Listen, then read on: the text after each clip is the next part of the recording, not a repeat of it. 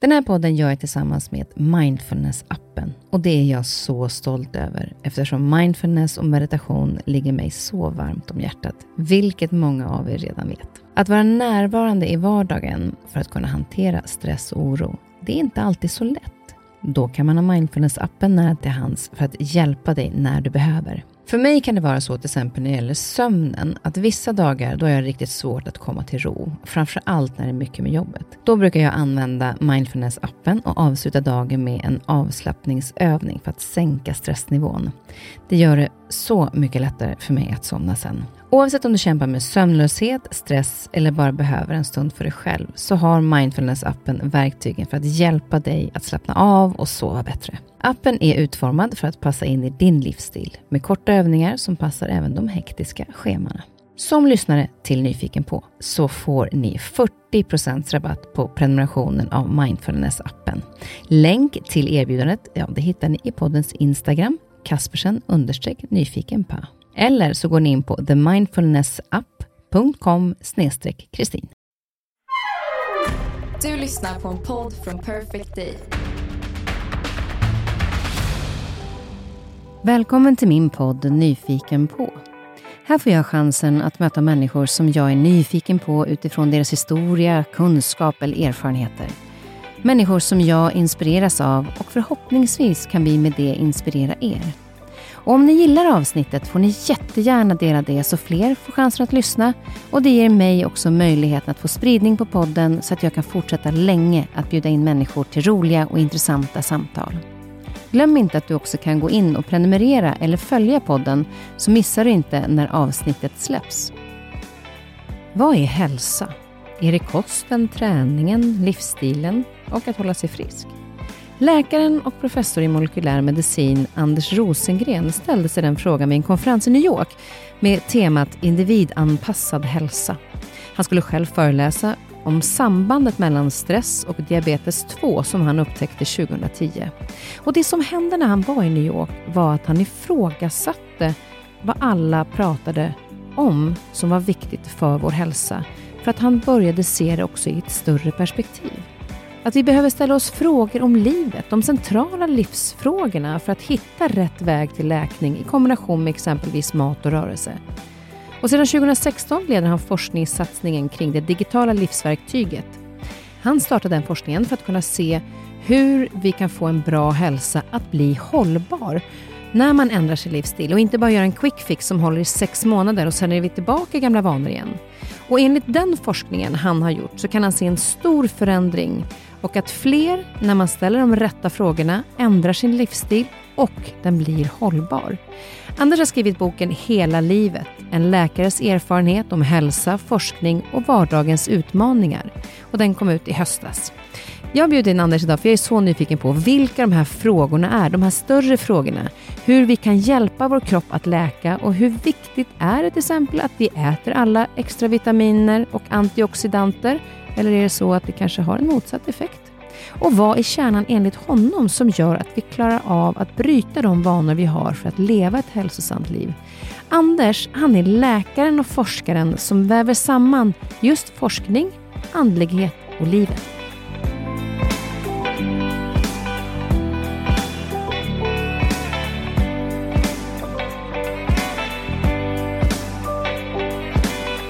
Välkommen hit Anders. Tack så mycket, vad kul att vara här. Ja, men fantastiskt spännande att ha dig här. Jag älskar ju att prata om hälsa. Och eh, det fängslades av när jag både har läst boken men också hörde om dig är ju att du är en läkare och forskare som har också de här andliga eh, frågorna och eh, väver samman det på ett väldigt härligt sätt som gör det mera säga, sunt. Det är inte så vanligt att läkare mm, pratar om andlighet, upplever jag. Det är väldigt ovanligt, ja. Och samtidigt så har jag mött så mycket positiv respons när jag skrev den här boken då hela livet. Och, och, det var ju mycket det som fick mig att skriva boken, att jag kände att dels var jag ganska trött på att det fanns så mycket hälsoböcker som var skrivna av folk som på något sätt aldrig hade gjort en vetenskaplig studie, som bara hade hört talas om någonting, kanske läst en artikel här, en artikel där, men som inte riktigt hade fått syntesen på det hela och visste eh, så här, vad vet vi, vad vet vi inte? För det är också en massa vi inte vet som man ska vara ödmjuk inför. Så där kände jag att det är viktigt att vi som är i professionen, som läkare och forskare, också berättar om hälsa på ett intresseväckande sätt. Och samtidigt så saknade jag också att det fanns liksom ingen riktig hälsobok som också utöver tarmbakterier, varför vi ska träna, varför vi ska stressa mindre, också vidgar blicken för de andliga frågorna. Och jag kände att det är klart att det finns en massa böcker om andliga erfarenheter. Eh, men att just väva samman det här och få den här helheten, det kände jag saknades och det tror jag att hela livet fyller en, en väldigt viktig funktion och det har vi ju märkt också på responsen. Mm. Men jag tänker just när du säger det här med, med eh, de här andliga frågorna och liksom livs, att man ställer de här livsfrågorna. Mm. Har du varit så sedan tidigare? Alltså jag, jag, brukar säga som så här att jag fäster min tillit vid, vid två saker i världen här. Jag fäster, fäster min tillit vid vetenskapen och jag fäster en tillit vid min gudstro. Och när jag säger så, så brukar folk säga, men vadå, det är väl antingen eller? Eh, nej, det, det, är det faktiskt inte. Vetenskapen är det absolut bästa sätt vi har för att förstå hur världen funkar. Men den hjälper mig inte att hantera sorgen efter min mamma. Den hjälper mig inte att hantera motgångar i livet. Då behöver man vidga blicken och sen kan det ta vilken form som man vill. Eh, så att säga. Men det gäller att vara nyfiken på, precis som din, din podd mm. heter här, att vara nyfiken på de här frågorna. För det är så lätt att vi bara på något sätt stänger de här. att Antingen så har vi redan bestämt oss, vi vet vad vi tror på, vi vet vad vi inte tror på, vi är bergfasta. Eller så ser vi de här frågorna som lite så här obehagliga, Nej, men vem vill sitta och fundera över existentiella frågor och grubbla över livets mening? Och jag menar väldigt mycket att det är inte det det handlar om, utan det handlar egentligen om att vara mer öppen i vardagen. Ja, för där kan jag tycka, jag är ju själv en av de här som har skrivit hälsoböcker eh, och har varit väldigt noga att skriva dock utifrån mitt perspektiv. Eh, för att jag inte har den eh, vetenskapliga grunden bakom, utan vad som har funkat för mig. Eh, men, men det jag också kan känna väldigt mycket är ju att det kommer så otroligt mycket information hela tiden. På, I media, i sociala medier, eh, alltså överallt. Och, och, vi pratar människor till människor. Så ibland kan jag känna att vi som konsumenter, vi styr nästan producenterna. Så att de märker, okej, okay, folk vill ha det här. Fast vi vet att det egentligen inte är sant. Men vi gör det för att de tror på det. Hur ser du på det? Jag tror att vi som konsumenter har en eh, oerhörd makt och vi skulle behöva bli mer medvetna om det. Jag tänkte just på det när jag, jag åker tåg ganska mycket, upp till Göteborg, och Stockholm och så vidare. Och jag blev var vrålhungrig häromdagen när jag åkte tåg till Göteborg. Så jag gick ut i eh, tågkupén då, i restaurangvagnen för att köpa någonting. Och jag själv älskar nötter. Dels för att det är nyttigt, men dels för att jag tycker det är väldigt gott. Och det enda som gick att få tag i, det var då saltade, rostade nötter eller chokladindränkta nötter.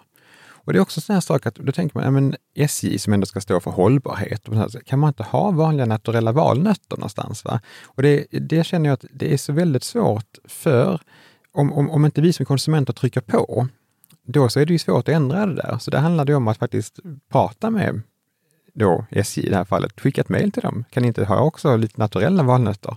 Mm. Eh, så jag tänker att det är ganska små medel, att man i, i sin mataffär frågar om, men har ni inte kravmärkt där? Eller varför kan ni inte ta hem vildfångad fisk till exempel istället för den här odlade som har en massa antibiotika och sojaproteiner, nermalt foder och så vidare. Va? Så jag tror att den där liksom lilla vardagsnudgen mot affärerna, det kan sätta press som gör att vi faktiskt får ett bättre utbud och då är det mycket lättare att välja också.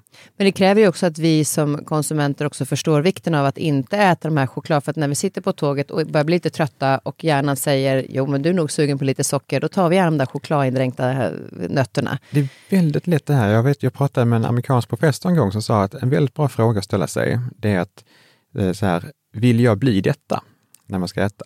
Och det var, om man står framför den här plastpåsen med chokladindränkta nötter på SJs skramlande tåg, ska man tänka sig, vill jag bli det där? Nej. Men däremot så kan man fråga sig, vill jag bli den där valnöten som man har som eh, ekologiskt? Ja, jag tar gärna de fetterna i min hjärna. Det är super för tänkandet. Så jag tror det, det där tycker jag är en väldigt bra fråga att ställa sig. Fast det krävs också en hel del av oss att gå emot. För att jag upplever i alla fall att de här eh, krafterna och signalerna ifrån hjärnan, om det nu är från savannentiden som gör att det är liksom, vi har den drivkraften i att vi söker socker eller vi söker, nu ska jag passa på att äta för att det finns mat. Jag ser alla de här färgglada eh, påsarna som indikerar om att åh, här, ska jag fylla på energi? Att stanna upp i det och övertyga sig själv om att nej, nu lever jag inte på savannen, utan nu står jag här på tåget. Mm. Men, precis, man pratar ibland om det här med system 1 och system 2. Jag tror många har hört talas om att vi har det här intuitiva, vanemässiga. Vi, så, och vi, vi, måste ju köra på våra vanor. Det är helt omöjligt att gå och reflektera över varenda, varenda steg man, man tar. Men ibland så, precis som du säger, kan man behöva stanna upp. Och där tänker jag, och det skriver jag väldigt mycket om i min, min bok också, att man behöver ibland bara bli medveten om när är jag på väg att falla i en av de här klassiska fällorna? Och då kan man faktiskt med ganska små medel lite grann omstrukturera. Jag är en sån här notorisk småätare till exempel. Och jag satt ofta och åt små godis, för jag brukar jobba sent när barnen har lagt sig. Och sen så började jag försöka bli mer medveten om hur skulle jag kunna kanske behålla den här vanan som är så svår att ändra, men byta ut det mot något annat innehåll. För det är ett väldigt bra knep, att behålla vanans yttre ram, men ändra innehållet. Så jag började att äta med, med mörk choklad för att ge större mättnad. Jag äter mindre och jag bröt i mindre bitar så kändes det som att jag plötsligt åt ganska mycket, men det var ändå mindre mängd. Och sen provade jag att byta ut den här chokladen mot valnötter. Och så vet man ju att det tar tid att vänja sig av vid sötman, så jag la till lite torkade bär också så blev det ändå ganska mycket eh, mm, sötmakick. Och sen så minskade jag mer och mer på bären och nu sitter jag och äter valnötter. Det är fortfarande småätande, men det är inte lösgodis, det är istället valnötter som är mycket bättre. Så jag tänker att man kan faktiskt med små medel, bara genom att vara lite mer medveten om, observant på sig själv, faktiskt kunna ändå byta ut och leva mycket sundare och ändå på något sätt behålla sina impulsiva vanor. Ja, det, vi ska komma in på vanor lite längre fram. Jag tänker att det krävs, krävs också en del tålamod med sig själv att göra de förändringarna. Att man inte tänker att det här är liksom ingen quick fix, att nu ska jag... För jag tror att ibland kan jag uppleva att många pratar, eller också jag själv, att när man gör en stor förändring så är det svårare att hålla den mm. än att kanske fasa ut. Fungerar vi så? Så är det. Jag är väldigt intresserad av det här som kallas för mikrovanor. Jag tycker det är jättespännande och det handlar egentligen om att göra precis tvärtom mot de här klassiska nyårslöftena. Nu ska vi köpa träningskortet och nu ska vi satsa hårt och byta diet. Men istället så gör man tvärtom. Man tänker, vad vill jag förändra? Gärna fundera på varför man vill göra det. Och sen bryter man ner det till det minsta tänkbara steget. Och en sån här mikrovana kan vara att man till exempel bestämmer sig för att varje morgon ska jag ta på träningsskorna. Och vissa dagar kanske man bara sitter med träningsskorna vid köksbordet och läser tidningen. Det kan tyckas bisarrt, men man har gjort sin mikrovana och man ser allting därutöver som en bonus. Ibland kanske man går en runda runt kvarteret, ibland springer man en runda. Och det är klart, det är ingen som blir hälsosammare för att man sitter med dojorna på och läser tidningen. Men vad som händer i vår hjärna är att när vi gör en vana som är så enkel så vi knappt kan misslyckas med den, då förstärks kopplingarna mellan nervcellerna så vi blir mer benägna att upprepa vanan och öka den. Och så tar man bort den här känslan av skuld och skam och misslyckande som är så vanligt. Då tänker man, okej, okay, ibland kanske jag är på resa, ibland är jag förkyld, ibland är jag stressad på jobbet. Så jag, jag kan inte upprätthålla min vana. Då går man tillbaka till mikrovanan igen och så börjar man om, expandera det. Och det här kan man använda vare sig man vill minska sin mobilanvändning, äta mer grönt, komma igång med uppgift man ständigt skjuter upp eller träna mer. Och det där är super. Och vad som också är väldigt bra trick så här, det är att man gör ofta felet att man tror man ska börja med helt nya vanor utifrån. Och det är väldigt svårt att lägga på någonting externt, utan man ska ofta knyta en ny vana till någonting redan existerande. Så säg att man till exempel vill börja träna mer, va? eller vill börja äta mer grönt. Då knyter man det till en, en signal. Man kanske tänker så här, varje morgon när jag trycker på knappen på kaffekokaren, då ska jag ta fram grönsakerna ur kylskåpet. Eller så här, varje, gång, varje dag när jag hör avslutningssignaturen till Rapport, då ska jag gå en halvtimme runt huset. Och inte så, det ska vara direkt efter, inte så att någon gång senare på kvällen efter Rapport, då ska jag gå en runda, för då blir det mer så att nej, ikväll är det dåligt väder, jag tar det imorgon istället. Va? Så att just det här att mikrovanor, tydliga signaler knutet till något existerande, det är en grund. Hur lång tid tar det då ungefär, nu är vi inne på vanor i alla fall, men hur lång tid tar det ungefär då att, att komma in till att det blir en vana och inte bara en mikrovana. Att man kommer in till att det blir en del av ens livsstil. Det där kan ju variera ganska mycket. Man har ju sett olika studier säga att det som är svårast är att komma igång med motion. Eh, mat är lättare, förmodligen för att vi alla äter. Så att det är liksom små modifieringar. Motion kan man ju, det finns ju många tyvärr som är helt stillasittande och då kan steget vara ganska stort. Men därför kan man verkligen behöva starta med de här små, små och tänka att på något sätt, eh, jag brukar säga att vardagsmotion är kanske vår mest underskattade hälsomedicin. Att bara vara mer medveten för att nu står jag och, och väntar på tåget här. Jag har liksom ett val. Jag kan antingen gå en promenad, ringa en vän eller någonting, medan jag ändå får ett antal steg. Eller jag kan sätta mig på en bänk och slösurfa. Mm. Och jag vet till exempel, jag kommer ha en halvtimme på en tågstation nu när jag ska hem här i eftermiddag. Och det vet jag precis vad jag ska göra. Jag ska ringa min pappa som är 88 år och jag ska gå. Eh, och jag kommer komma upp i 3-4 tusen steg på den turen. Och det är fantastiskt, för då blir man mycket piggare och han får, får bra samtal med sin, sin, sin, son. Och det är, som, det, det är de här små, små sakerna i vardagen som kan göra att det både känns mer meningsfullt och att man faktiskt också får in hälsosamma vanor på ett, på ett enkelt sätt.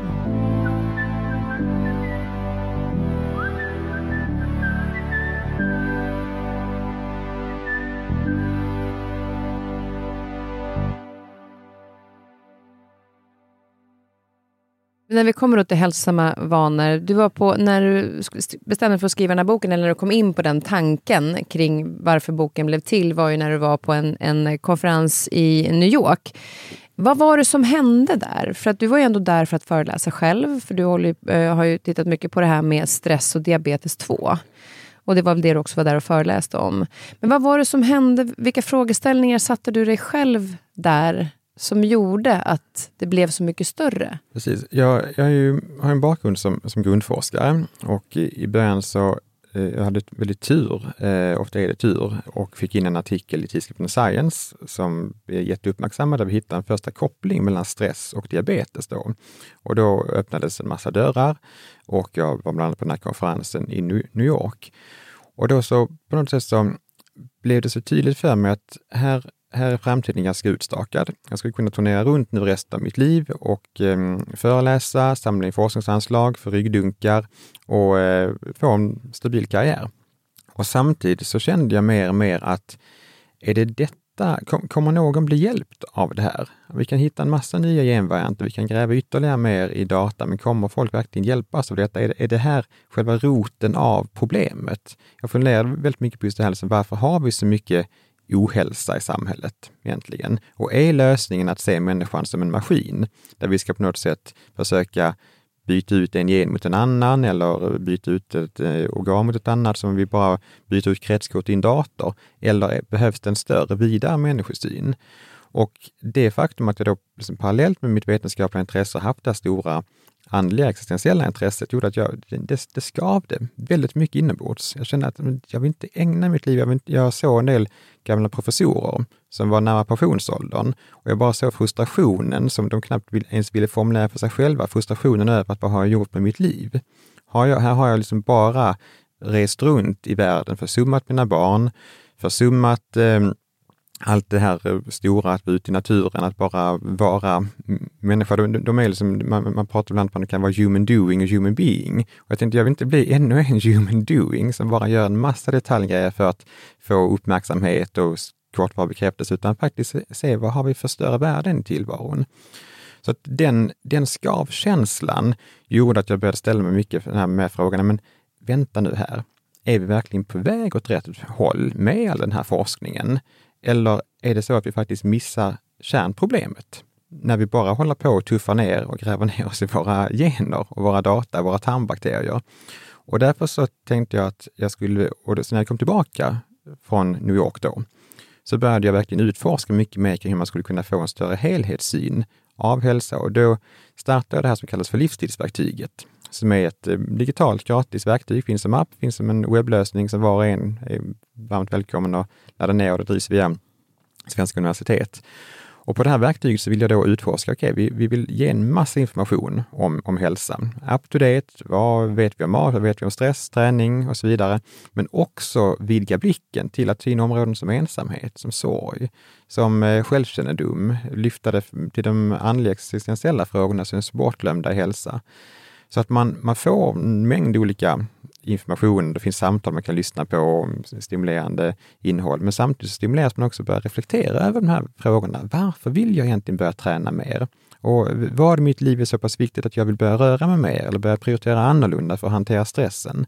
Och det vi har sett då i de här studierna är ju att det spännande är att det är just den här kombon av vetenskaplig information med livsfrågorna som gör att saker och ting trillar på plats, för då blir vi motiverade. Och det är den man vill komma åt, motivationen. För vi kan ju sitta med hur mycket kunskap som helst, men om vi inte tar den till oss och aktivt gör någonting med den så spelar det ingen roll hur mycket kunskap vi än har. Precis. För att det blir ju inte förändring. Det är ju som att se de här äh, valnötterna stå där som är nyttiga i hyllan och jag vet allt vad det innehåller. Men så länge jag inte väljer dem så påverkar inte de mig. Nej, exakt. Va? Och vi har ju sett då, de här, när man tittar på Dels har vi ju, nu är det ju över 60 000 som använder det här verktyget i, i, idag. De allra flesta är ju helt, helt friska, men vi har ju sett det hos människor som redan har till exempel diabetes, hjärt-kärlsjukdom och så vidare. De får då effekter på blod, lägre blodsocker, lägre vikt, lägre blodtryck, ökad muskelmassa och de effekterna är ju lika starka som man får med läkemedel, vilket är ganska fantastiskt och det håller i sig över flera år. Så att den här metoden verkar ju funka. Så att nu så gör vi då en en jättestor preventions, alltså förebyggande satsning där vi öppnar upp det här för, så att vem som helst i hela, hela Sverige över 18 år kan gå med. Och sen så gör man så då att när man kommer in i det här verktyget så slumpas man, så 20% kommer i en kontrollgrupp. Eh, och en del blir väldigt besvikna, men tyvärr, tyvärr måste man ha det så för att vi ska kunna ha vetenskaplig strikthet. Och 80% får tillgång till appen. Och sen så följer vi då med Socialstyrelsen, hur, mycket, hur många fall av utmattningssyndrom får vi? Hur många fall av diabetes, hjärt-kärlsjukdom, högt blodtryck får vi? Hur mycket läkemedel, hur mycket ångestdämpande skrivs ut och så vidare i de här grupperna för att verkligen se vad har det här för stora folkhälso effekter. Så alltså, det är ju extremt spännande att du har, har liksom fått den här, det här lyftet, att, att det verkligen verkar vara som att vi har hittat någon slags här fundamentalt element som saknats i hälsodiskussionen. Det är de här existentiella frågorna. Ja, och det, jag gick in och, och eh, har testat det och, och eh, det finns olika frågeställningar, olika teman. Vilket gör att det blir väldigt lätthanterligt. Så här, vad, nu vill man ju testa flera teman och det kan man ju, för man kan ju bara gå tillbaka och, och uh, klicka i fler. Men det jag också tyckte om med det var ju att jag får ju en del frågor. Men sen så är det så här, vilken fråga ställer du? Alltså så att jag fick själv ställa en fråga och då blev det så här, då var jag också tvungen att tänka till lite grann. Och där ty jag tycker om den här frågeställningsdialogen på något sätt i den. För att ta mig vidare. Och för att komma någon vart i det min önskan är. Att må ännu bättre. Precis, va? Ja, men just, det på, det är just det som du säger som är kärnan i livsstilsverktyget. Att man, och det är så kul att se resan som vissa gör. Man kanske startar med så här väldigt banalt, man säger, men hur vill jag minska mitt småätande?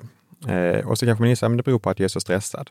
Och då börjar man ställa sig frågan, vad beror det på att jag stressar så mycket? Vad behöver jag säga nej till? Vad är väsentligt? Vad handlar mitt liv om? Så något ganska simpelt som småätande kan vidga att man faktiskt börjar se över sina prioriteringar, hela sin livssyn. Och det gör det i sin tur lättare att faktiskt ta itu med det där småätandet därför att man har kommit närmare själva roten av problemet. Den resan är så från det minsta till det största, tillbaka till det minsta. Det är det som är liksom livsstilsverktygets kärna, att man vidgar blicken, men det är också väldigt praktiskt. Så att säga. Det handlar verkligen om att få in kunskapen i vardagen, som ofta är den stora utmaningen. Mm. Och vad, vad, gör ni med den här, för nu har ni, det började väl 2016? Va? Ja. Så att det är ju några år nu, så att ni har ju verkligen och det tycker jag om, att, att eh, det, man känner att det finns, eh, det finns en statistik kring det och det finns resultat som visar att det faktiskt till syvende och sist är att det blir inte så att det är hållbart i sex månader, utan hur stor förändring kunde ni se på det, att det faktiskt blir hållbart, hälsan? Det är precis som det du säger, att de allra flesta studier med livsstil, då ser man snabba effekter och sen efter ett halvår ser man tillbaka till utgångspunkten. De har sett gång på gång i olika bantningsstudier, diabetesstudier och så vidare.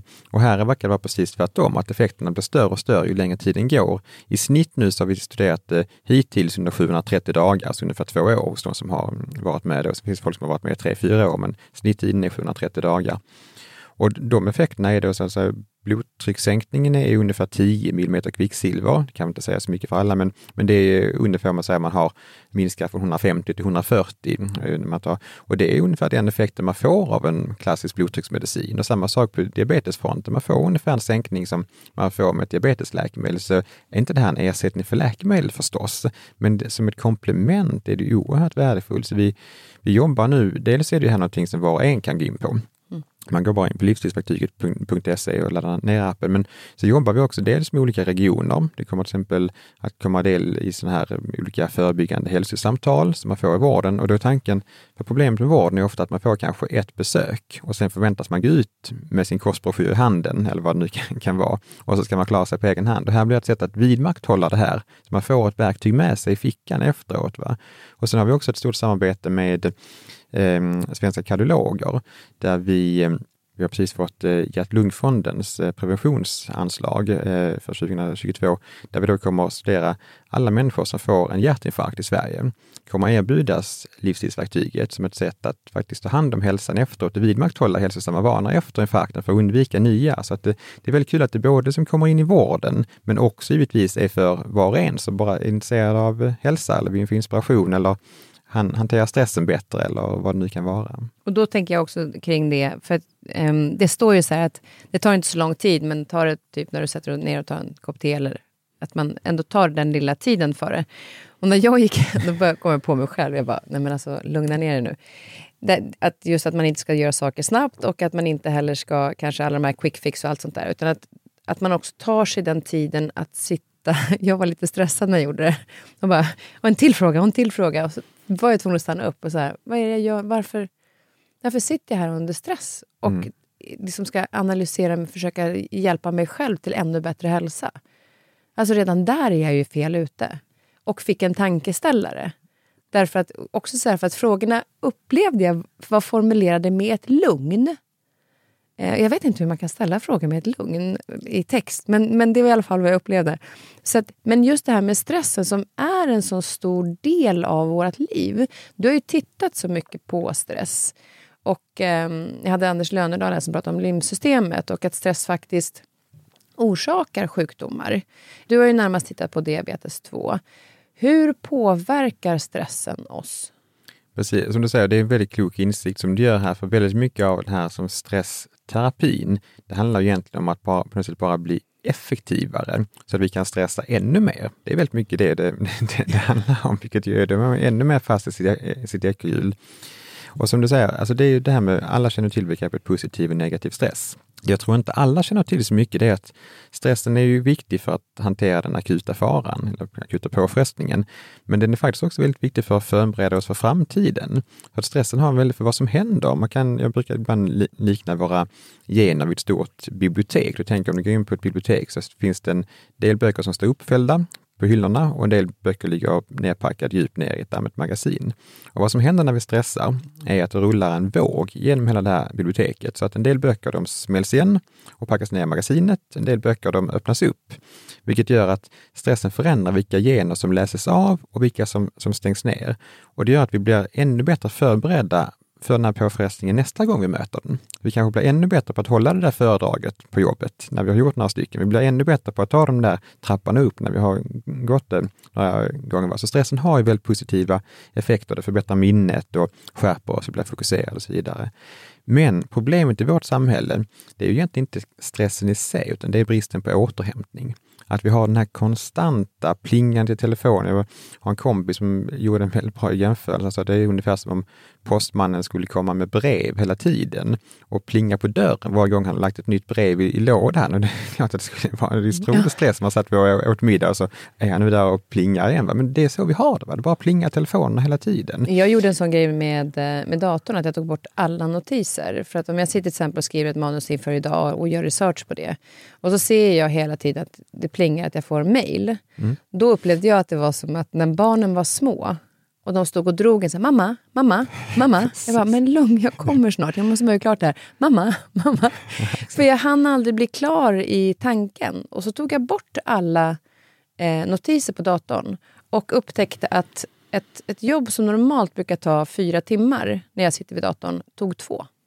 Exakt. Ja, det, är väldigt, det är otroligt, otroligt intressant. Otroligt intressant är det. Och det är en sån liten förändring och de, alltså de där mejlen kan vänta. Ja, de men... ser ju inte att jag är upptagen just nu. De Nej. som skickar det. Precis. va.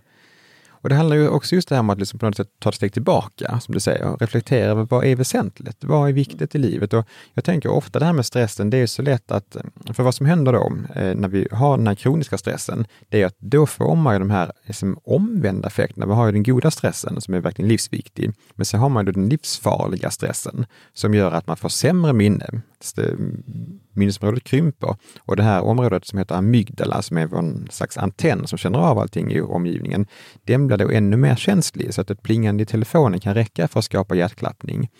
Och sen så kan det då leda till det här med diabetes, högt blodtryck, övervikt och förstås också utmattningssyndrom och alla de psykiska effekterna. Så det finns otroligt mycket negativa konsekvenser, benskörhet och så vidare.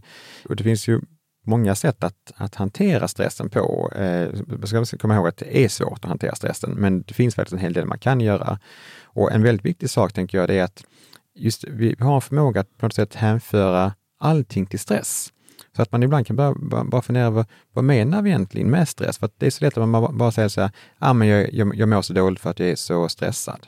Och då blir det slags uppgivenhet, ja men det är stressen i samhället. Eh, så vidare. Och det är inte så konstruktivt. Det kanske är det, men ibland kan det vara bra att, jag tänker att det här att vi så lätt hänför saker till ordet stress gör att man ibland, kanske missar att, att lyfta det här och snarast föra ett mer existentiellt samtal kring vad handlar vårt liv om? Vad prioriterar vi? Vad, vad, vad är det egentligen i grunden som, som vi gör fel, så att säga? Och där tror jag vi kan lära oss väldigt mycket av just de här frågorna, som att säga, på livsstilsverktyget. Man fundera på vad, vad är viktigt i mitt liv? Vad behöver jag säga nej till? Och just de, de sakerna, så finns det mycket konkret man kan göra också. Ett av mina bästa sådana här husmorsknep för att hantera stressen, det, är, det tar bara några minuter, men ja, man har sett i studier att dygnsrytmen spelar extremt stor roll för att hantera stressen. För det gör att vi sover bättre och då blir vi också mer robusta. Och ett väldigt bra sätt att hantera dygnsrytmen, det är att man går ut tidigt på morgonen, helst så fort man har vaknat och får solljus. Bara några få minuter solljus kan räcka. För vad som händer då är att då kalibreras eh, hjärnans dygnsrytm så att vi får en jämnare dygnsrytm, sover bättre redan nästa natt och hanterar stressen bättre. Så att jag brukar försöka att om man går ut på sin terrass eller balkong eller gatan, var man än bor, det måste vara utomhus för att man måste få UV-strålarna. några få minuter bara. Det är så här enkelt bra knep.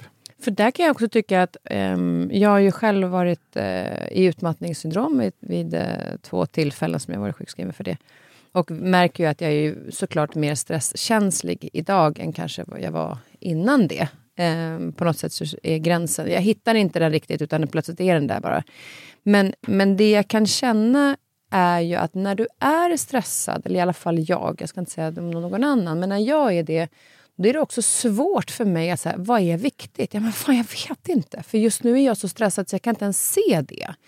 Eh, att man nästan hamnar i så här, man känner inte vad man tycker är kul. Eh, det är svårt att avgöra, är det här bra för mig eller inte? För att jag är i en för stor ett för stort påslag. Och då kan jag ibland tycka att nästan är provocerande när någon känner, men vad är viktigt för dig? Ja men vad fan, jag vet mm. inte.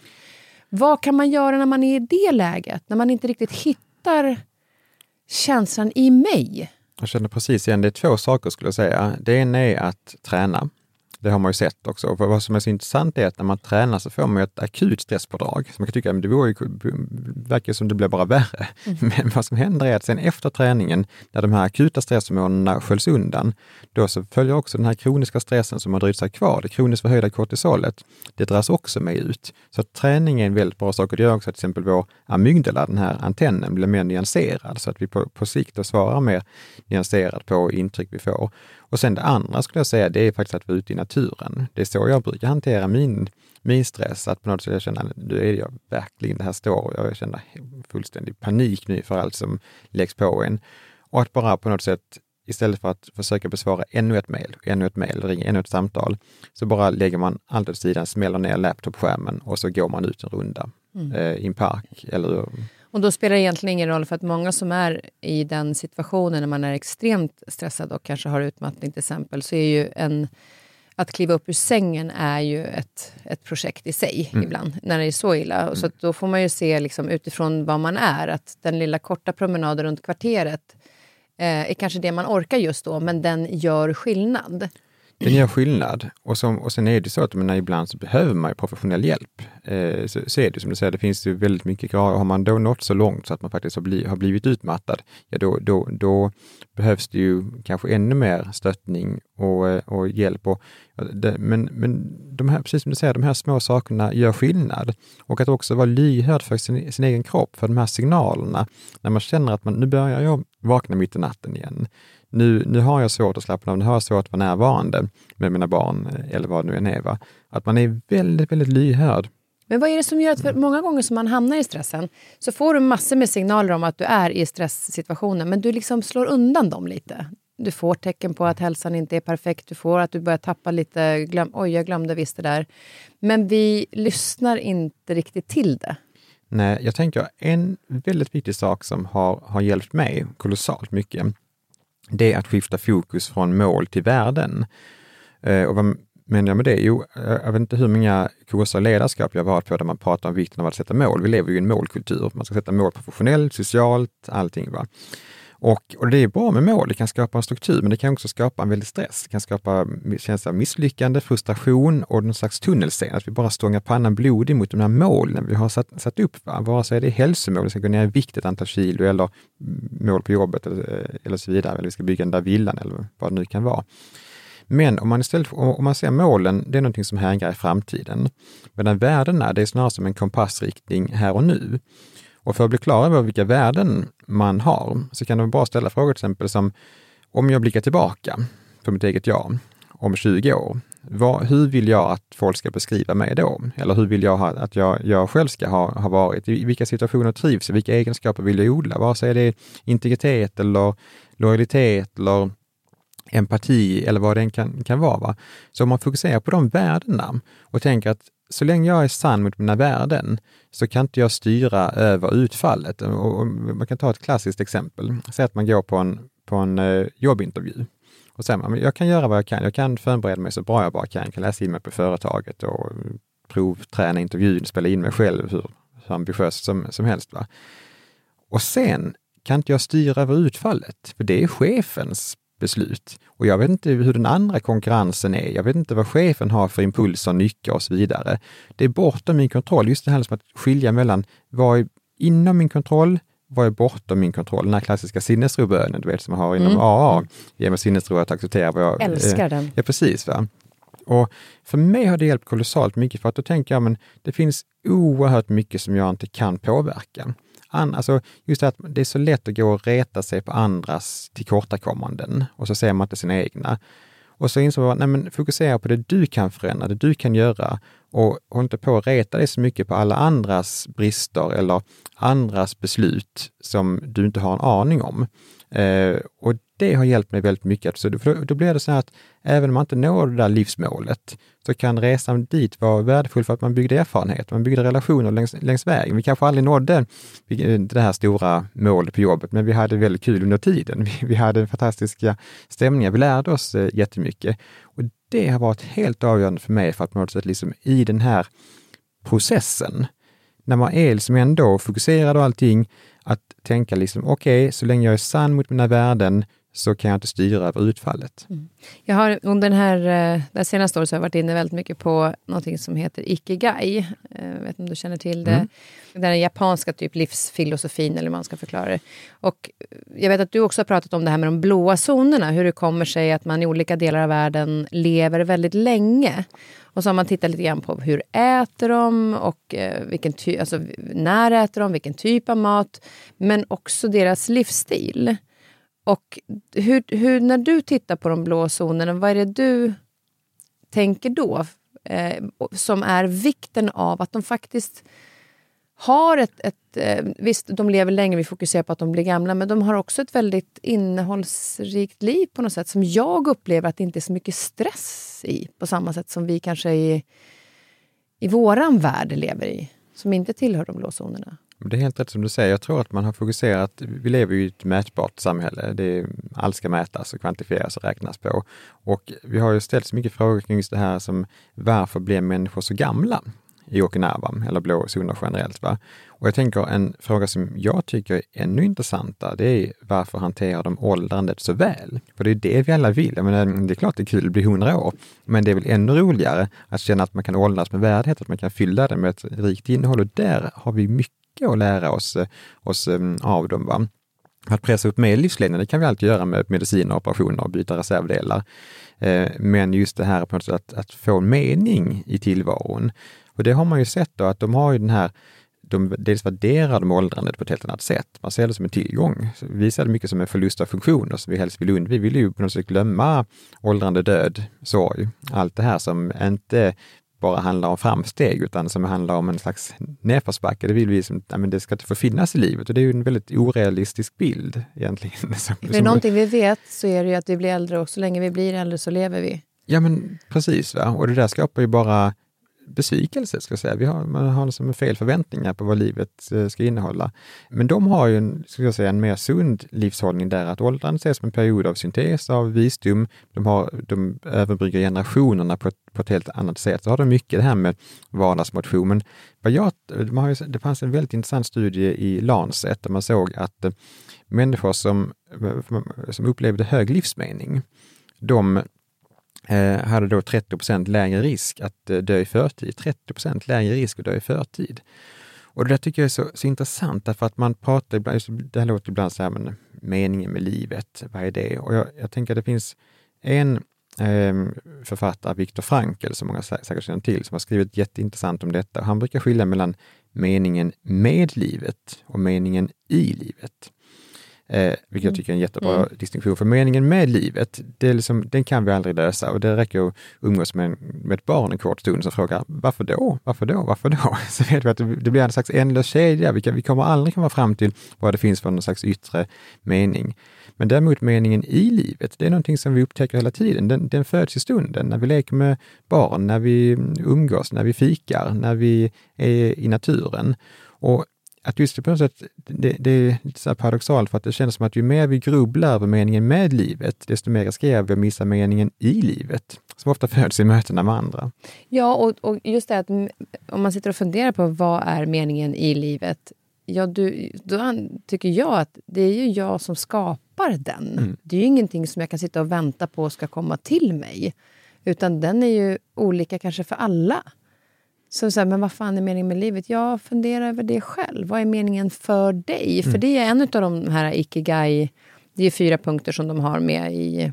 Eh, och ni som inte har hört om det förut så är det ju någonting jag är bra på, någonting jag älskar, någonting jag kan tjäna pengar på och någonting som har en mening också för andra.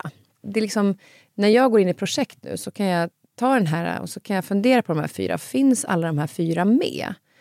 I olika jobbprojekt. Och många gånger så kanske inte det här riktigt meningen, vad betyder det här för andra? Alltså podden är typiskt ikigai för mig. Precis. För det är någonting jag tycker, jag älskar att prata med människor, jag har jobbat med det här i många år så jag kan det. Jag har en inkomst i det och det kan ge en mening för andra. Att jag delar samtalen med dem. Och då blir det så tydligt för mig att jag landar i en mening Exakt. som man skapar själv. Mm. Och det är ju någon form av också att hitta någonting att jobba med som inte skapar stress. Precis. Ja.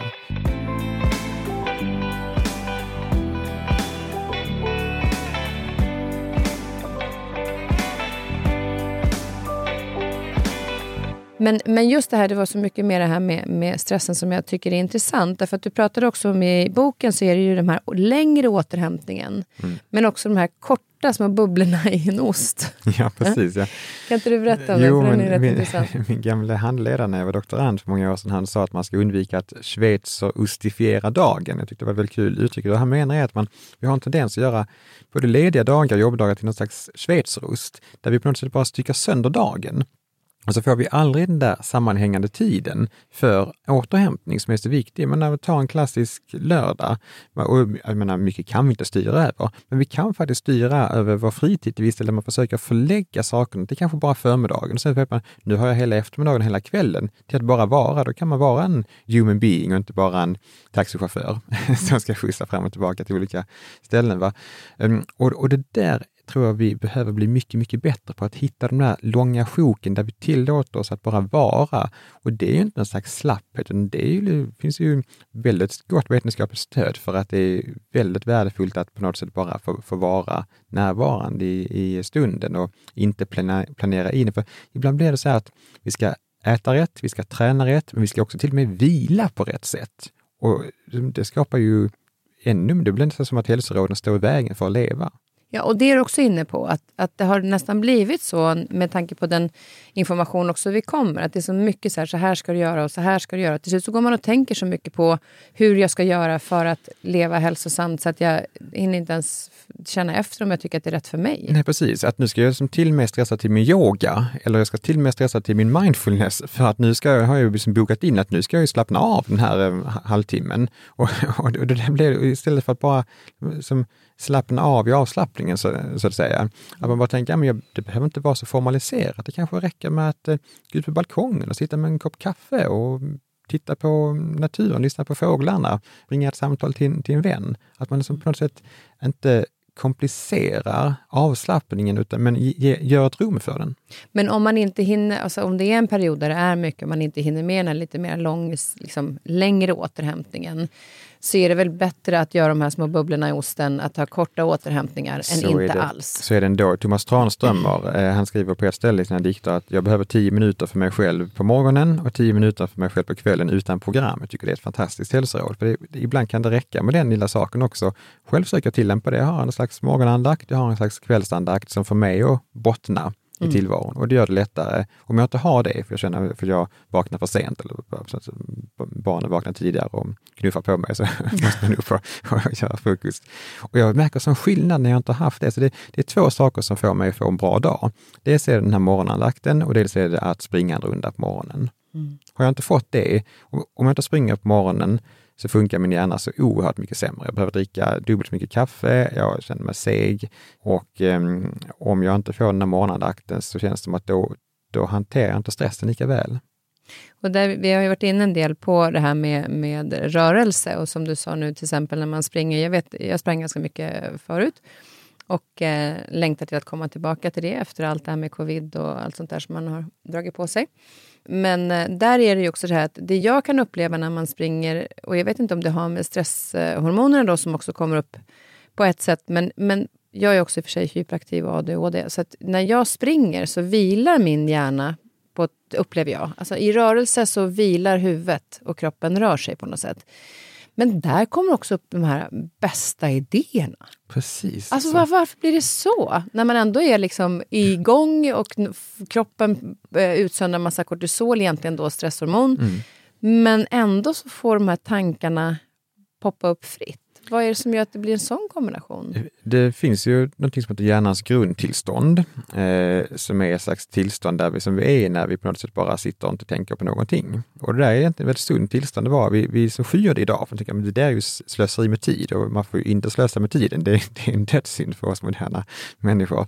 Men när, vad som händer i hjärnans grundtillstånd är att då associerar vi ganska fritt, för då är vi inte upptagna av de här förutfattade meningarna. Vi är inte liksom så inne i någon uppgift. Och ibland så kan det vara så att då, då ligger ändå uppgifter som vi har, eller som vi har tänkt på, det, det ligger på det är nästan som när vi drömmer, va? fast vi gör det i vaket tillstånd. Och då så kan det ibland komma upp, det är precis som att det där, det där namnet vi inte kom på i diskussionen, det, det poppar upp då när vi är i vårt grundtillstånd, eller den där fantastiska idén. Eh, när jag ska hålla föredrag så brukar jag ofta göra så att jag ger mig ut och springer en runda och då brukar det komma upp en del tankar, så har jag fått några frön och sen kan man gå hem och skriva ner det och så har man föredraget klart.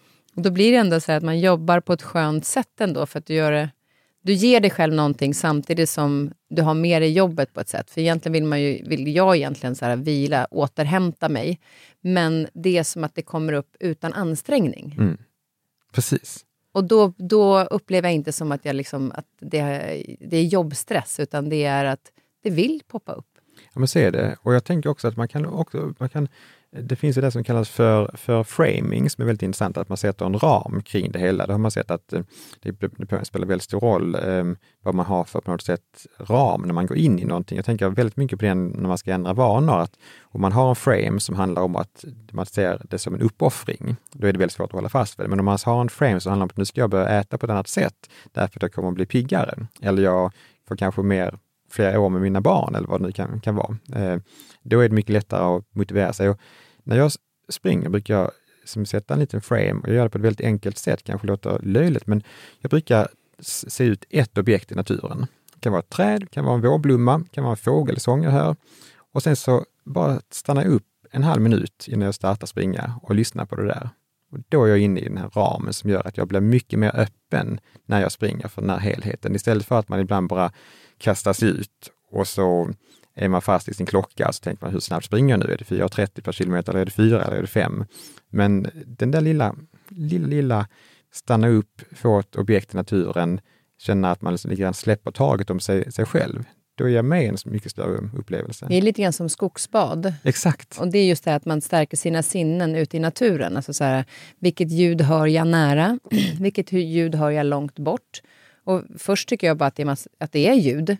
Eh, och det kan vara liksom, men sen så märker jag att jag har ju löven från träden nära. Och mm. långt där borta kan jag faktiskt höra bilarna. Alltså så här, att, man ändå, att det blir en skillnad. Och då är det lättare att ta sig in i den här lite mindfulness-löpningen på något sätt. Att skingra bort allt det andra stressen. Precis. Jag tänkte på en, en sak igår, så ringde jag just det här med träning. För att ibland är det ju svårt.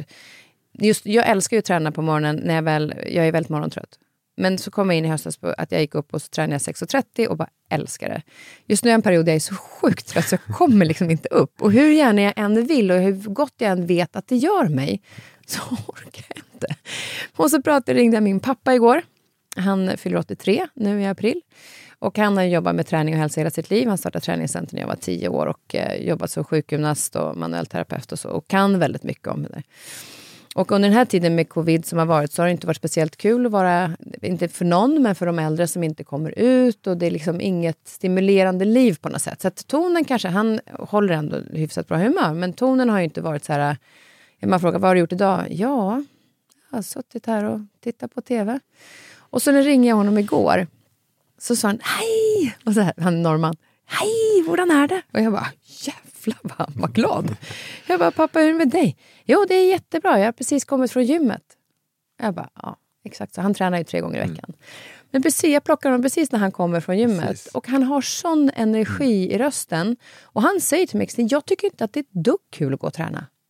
Men jag vet att jag behöver det. Ja. Så det är bara att göra det.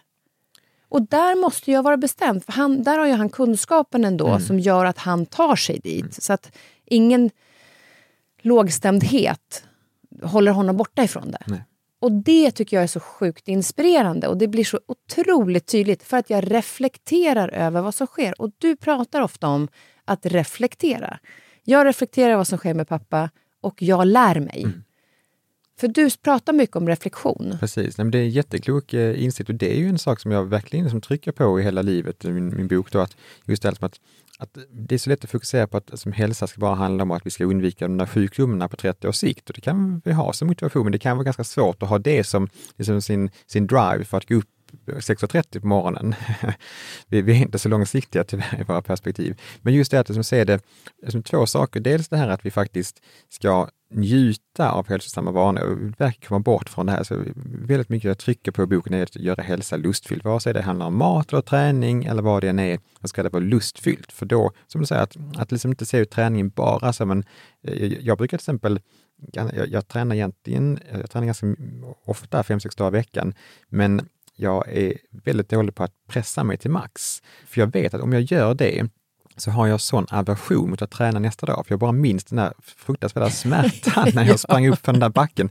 Så jag tänker att det är liksom bättre då för mig att liksom kanske ta i lite mindre och så i alla fall träna nästan varje dag, än att liksom köra det där en gång i veckan och liksom nästan skjuta upp den där persen och, och, och pina. Alltså det är det ena. Och sen det andra, just det precis som du är inne på, va? att bara bli medveten om att om en halvtimme så kommer jag må så fantastiskt mycket bättre. Mm. Och då har vi liksom en kortsiktighet, men benefiten kommer ganska snart ändå. Det kanske ändå är värt att ta på de där skorna. Och det är just att få den, den eh, kickbacken ja. ganska snart. För många andra saker är ju långsiktiga som vi pratar om att ändra om. Men där kan man verkligen få en snabb känsla av att det är på rätt väg. Exakt, det är ju träning speciell. Mycket, mycket av det du också nämner, och du har också varit inne på det, är det också att det är mycket som är genetiskt. Och då var det en, en återigen kopplat till stress som jag tänkte på, det var att, att eh, vissa påverkas av att de går upp i vikt under stress. Eh, jag gör det när jag är stressad.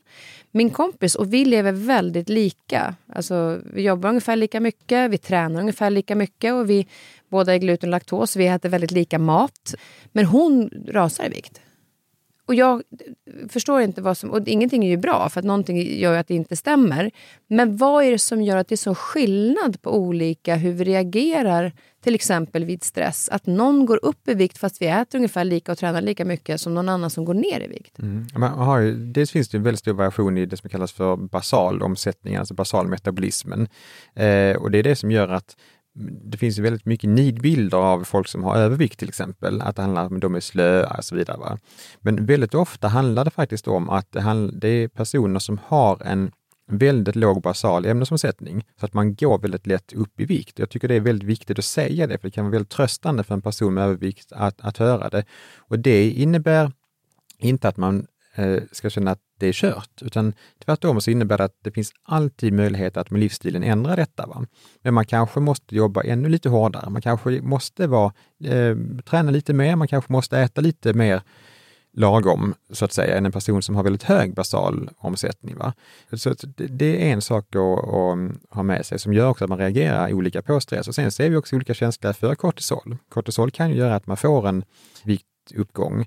Men kortisolreceptorerna, de är liksom, det är, man har olika känslighet för det där. Man har också olika mönster i stresspådraget. En del har väldigt mycket adrenalinpådrag, en del har väldigt mycket kortisolpådrag och det kan också göra att man ibland går ner i vikt och ibland går upp i vikt. Men vad är det man går upp i vikt i då? Är det att liksom, som att när du har det påslaget och reagerar på kortisol eh, på det sättet att du går upp i vikt, är det då eh, på samma sätt att du går upp i vikt som du gör om du har ätit väldigt onyttigt och inte rört på dig?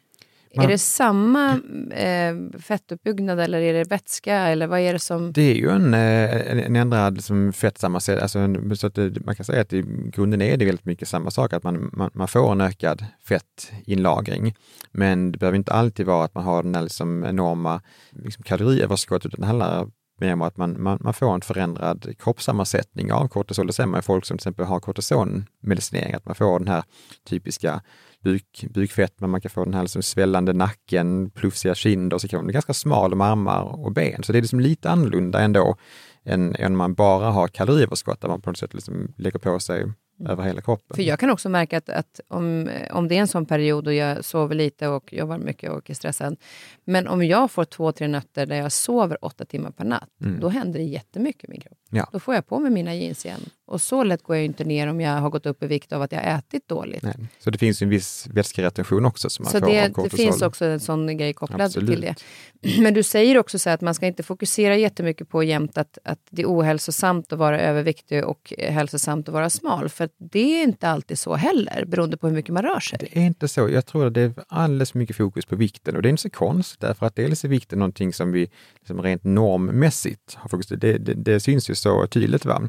Eh, och plus också att det är så väldigt snabbt att mäta. Det är kanske det som de allra flesta matstudier handlar om, det är att man går ner i vikt. Men det viktigaste är ju inte vikten, utan det är kanske vad har det här för effekter på hur vi mår i stunden? Eller vad har det här för effekter på hjärta, kärl och cancerrisken på lång sikt? Och där krävs en helt annan, där har man till exempel sett att medelhavsmaten är den enda kostmönster som har verkligt långsiktiga Vad är det med den som, som gör att den har långsiktig eh...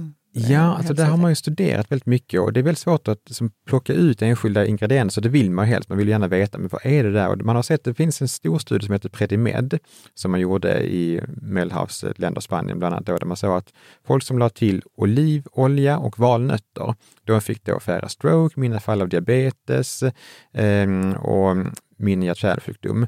Så, att, och det, så att det, det verkar som att det är de här nyttiga fetterna, de fleromättade och de enkelmättade fetterna, de spelar väldigt, väldigt stor, stor roll.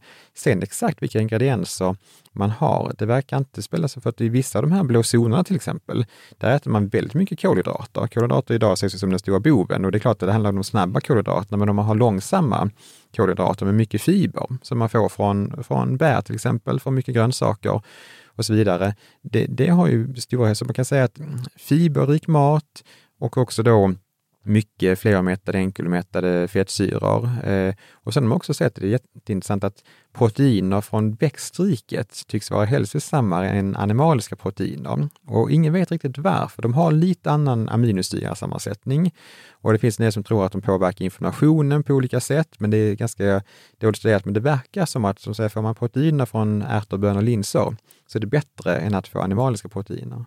Men måste man äta mer då, om jag tittar mängden protein i en kycklingfilé, hur mycket bör man äta av det andra för att få i sig samma mängd? Ja, det där beror alltså, Vissa av de här eh, baljväxterna till exempel, de är ju väldigt proteintäta. Eh, så att där kan du, behövs inte sådär jättestora mängder.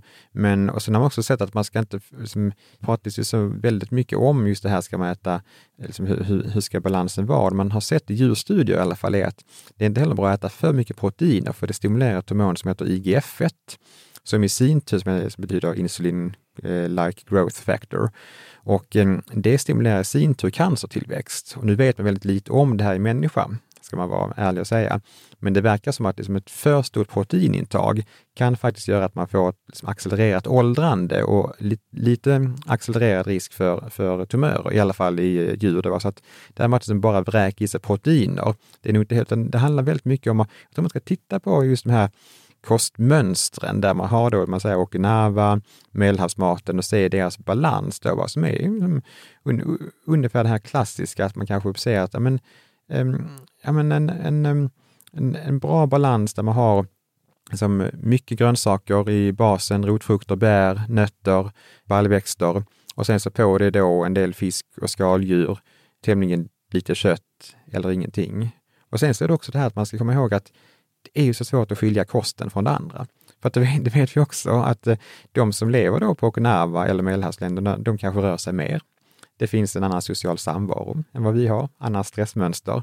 Eh, de kanske sover annorlunda, de har sin siesta i mm, många länder. Va? Så att det där är ju jättesvårt att särskilja och det är därför det blir så fel när man då i vissa hälsoböcker säger att, ja men titta här, gurkmeja, det är det du ska maxa. Liksom. Maxar du gurkmejan, då kommer du få mindre inflammation i tarmen, då kommer du få bättre immunförsvar. Det där skulle jag säga det finns noll stöd för det hela. Och det är det, så? Ja, men så är det verkligen. Det, det, fasiken, jag har ju gått mig hemma. Det, det, därför jag vill skriva den här boken också, för att liksom verkligen visa vad vet vi, men också vad vet vi inte? Eh, för att jag, har ju, jag studerar själv ganska mycket tarmfloran. Jag har stora forskningsstudier kring det och tycker det är superintressant att jobba med en eh, verkligen stor expert i Göteborg på det, Fredrik Bäckhed. Och det intressanta är att de, när man pratar med verkliga världsauktoriteter inom tarmfloraforskningen så är ju de ganska skeptiska till det som kallas antiinflammatorisk mat. Det vill säga, de säger att men vi vet ganska lite om, vi, vi vet att liksom, stora kostmönster som medelhavsmaten påverkar tarmfloran gynnsamt. Vi får en rikare tarmflora, mer bakterier som producerar det som man kallar för smörsyra och annat som i sin tur producerar GLP-1 som är ett hormon som gör att vi blir lättare mätta och som, eh, som förbättrar insulinproduktionen och så vidare. Va? Det vet vi. Men däremot vad det sen har då för liksom större och, och, och, att det sen i sin tur då kan, eh, att en bra tarmflora är kopplad till minska, mindre risk för sjukdomar, det vet vi också. Men exakt orsakssamband, om det är som säga gurkmejan eller superbären eller vad det är i kosten som påverkar vilka bakterier som sen påverkar hjärt-kärlrisken, de där orsakssambanden, det vet man inte alls nå någonting om. Och det tror jag är väldigt viktigt att, att veta om att, och jag, jag, jag tänker Samtidigt tycker jag det är väldigt sympatiskt med alla de här böckerna som kommer nu om grönsaker och antiinflammatorisk kost, därför att det är inte fel att äta gurkmeja, det är inte fel att äta grönkål och så vidare. Det är bara det att effekten som man hävdar, för ibland de som skriver de här böckerna, de utger sig för att vara världsauktoriteter. Om man säger att de har inte gjort en enda vetenskaplig studie. De som är världsauktoriteter, de är betydligt mer ödmjuka. men jag tänker, det är inte fel att äta det heller, men man kanske ska göra det för att man tycker det är gott eller för att man vet att det här är del i ett allmänt kostmönster eller livsmönster som är och gynnsamt. att ha det i sin kost är positivt, men det behöver inte att man... Det är som om man säger att nötter är bra och så börjar plötsligt någon äta hur mycket nötter som helst. Alltså det är inte heller bra att äta för mycket. Nej, Nej utan hitta den här balansen mellan intaget. Och det tycker jag var jätteintressant. Jag var tvungen att, när jag satt och läste boken igår, så fastnade jag över det här med antioxidanter. Så jag sa till min son som kollade på en film, så här, nu måste du stänga av, lyssna på det här, det här är ju helt sjukt. Det hade jag ingen aning om. Just hur, man, hur jag har påverkats av alla säger att det är så viktigt att du äter, nu har jag varit eh, förkyld eh, och vill bara fylla på antioxidanter för att stärka mitt immunförsvar. Men då skriver du någonting annat om det. Ja. Nej, men det är så intressant därför att man har ju sett i studier att till exempel då om man har, det, det, man har ju alltid tänkt sig att okej, okay, grönsaker är nyttigt, det måste vara antioxidanterna i grönsaker. Och så har man då gjort studier där man ger folk liksom tillsatser av vitamin E till exempel i tablettform. Och då har man sett en del stora studier att man till och med får en ökad dödlighet av att man tillsätter vitamin E. Och, och, och det, det verkar som att om man tillsätter vitamin och mycket antioxidanter på det sättet så, så får man inga hälsoeffekter alls eller till och med ibland eh, försämrad hälsa. Och det, och det är för att eh, det som annars är egna försvaret i kroppen eh, slutar att stimuleras? Exakt. Va? Så att vad som händer är att om man, om man hela tiden tillför försvars, eh, alltså antioxidanter utifrån, då skruvas ens eget försvar ner. Va? Eh, lite grann som man, man tänker att ja, men vi, har, vi, vi, vi får hela tiden stöd utifrån. Vi kan liksom av, av, avveckla allt vårt, vår, vårt eget. Va? Och när man då får en riktigt stor smäll, om man drabbas av en infektion eller man kanske äter någon extremt bränd eh, köttbit till exempel, va? då är kroppen inte rustad för att accelerera upp eller växla upp. Och därför är det så intressant med det här som kallas för hormesis, som handlar om att man, man äter det som kallas för indirekta antioxidanter. Och det är de här vad vi brukar kalla för fytokemikalierna, alltså alla färgämnen som finns i maten. Då, för att det där är små gifter som stimulerar kroppens eget försvar. Så vad, vad de gör, det finns en, en som jag har forskat själv på, som finns i broccoli, som heter sulforafan, som sänker blodsockret. Och vad som händer med till exempel sulforafan, som är klassiskt sån här indirekt antioxidant, det är att den frisätter små, små mängder fria syradikaler som jag egentligen tycker det borde vara dåligt, men det är lite grann den här klassiska, det som inte dödar härdar. Och då stimuleras kroppens eget försvar så att vi blir mer rustade för att möta de större attackerna också. Så små, små mängder av, av de här gift, eh, växtgifterna som kallas för fytokemikalier, eller som är de här färgämnena. Därför är det så bra att äta så stor färgpalett som möjligt. Då får vi en stor mängd av det här. Då blir vi mer robusta. Som till exempel, nu har jag blåbär här som jag nog tänkte på när jag köpte dem igår och sen läste om antioxidanterna. För det säger man ju då är väldigt rikt på antioxidanter och väldigt färgstarkt. Mm. Är det bättre också då att äta till exempel blåbär och sånt istället för att äta tabletter? Precis, för att blåbär innehåller både antioxidanter men också väldigt mycket indirekta antioxidanter. Till vad, vad menas med indirekta? Och det är just de, här växtgifterna ah, okay. som då stimulerar kroppens mm. eget eh, försvar. Va?